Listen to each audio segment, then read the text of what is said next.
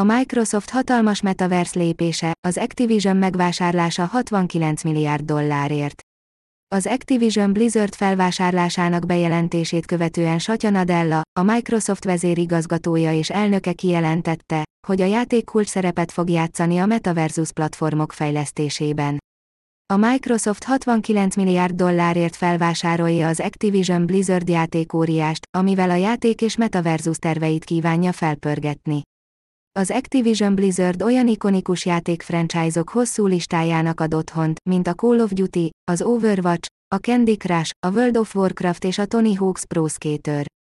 Az üzletet követően játékai bekerülnek a Microsoft Xbox Game Pass szolgáltatásába, amelynek 25 millió előfizetője van. A Microsoft keddi bejelentése szerint a cég részvényenként 95 dollárért 68,7 milliárd dolláros értékelés mellett felvásárolja az Activision Blizzardot. A 2023-as pénzügyi évben lezáruló üzlet révén a Microsoft a bevételeket tekintve a harmadik legnagyobb játékipari cég lesz, a Rio Games tulajdonos Tencent, és a PlayStation-t fejlesztő Sony mögött. A Microsoft kifejtette, hogy a felvásárlás támogatni fogja szolgáltatásainak növekedését a mobil, PC, konzol és felhő alapú játékokban, és azt is kijelentette, hogy építőelemeket biztosít a Metaverse számára. Satya Nadella, a Microsoft vezérigazgatója és elnöke elmondta. Idézem. A játék a legdinamikusabb és legizgalmasabb kategória a szórakoztatásban ma minden platformon, és kulcsszerepet fog játszani a Metaversus platformok fejlődésében.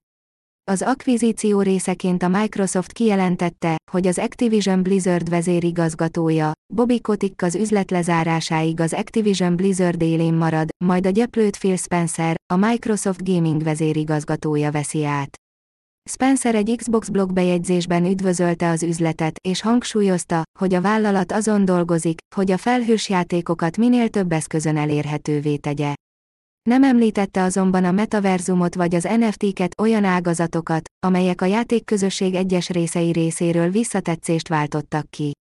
Az Activision Blizzard fantasztikus franchise-ai felgyorsítják a felhő alapú játékkal kapcsolatos terveinket is, lehetővé téve, hogy a világ több pontján több ember vehessen részt az Xbox közösségében telefonok, táblagépek, laptopok és más, már meglévő eszközök segítségével, írta Spencer.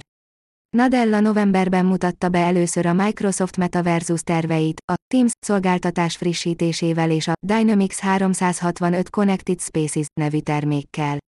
A Teams Mesh frissítése a tervek szerint még idén bevezet személyre szabott digitális avatárokat és magával ragadó tereket a metaverzusban való találkozásokhoz.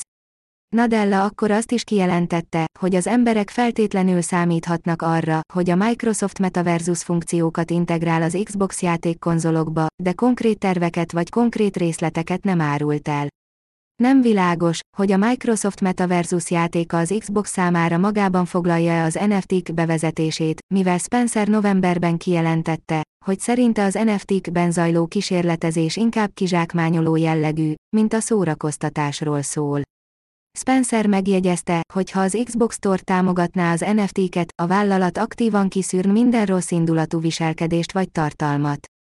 A Wall Street Journal a múlt héten arról számolt be, hogy a Microsoft kiterjesztett valósággal foglalkozó csapatának 100 munkatársa hagyta el a vállalatot az elmúlt egy év során, hogy a Metaversus versenytársához, a Metához, Facebookhoz csatlakozzon.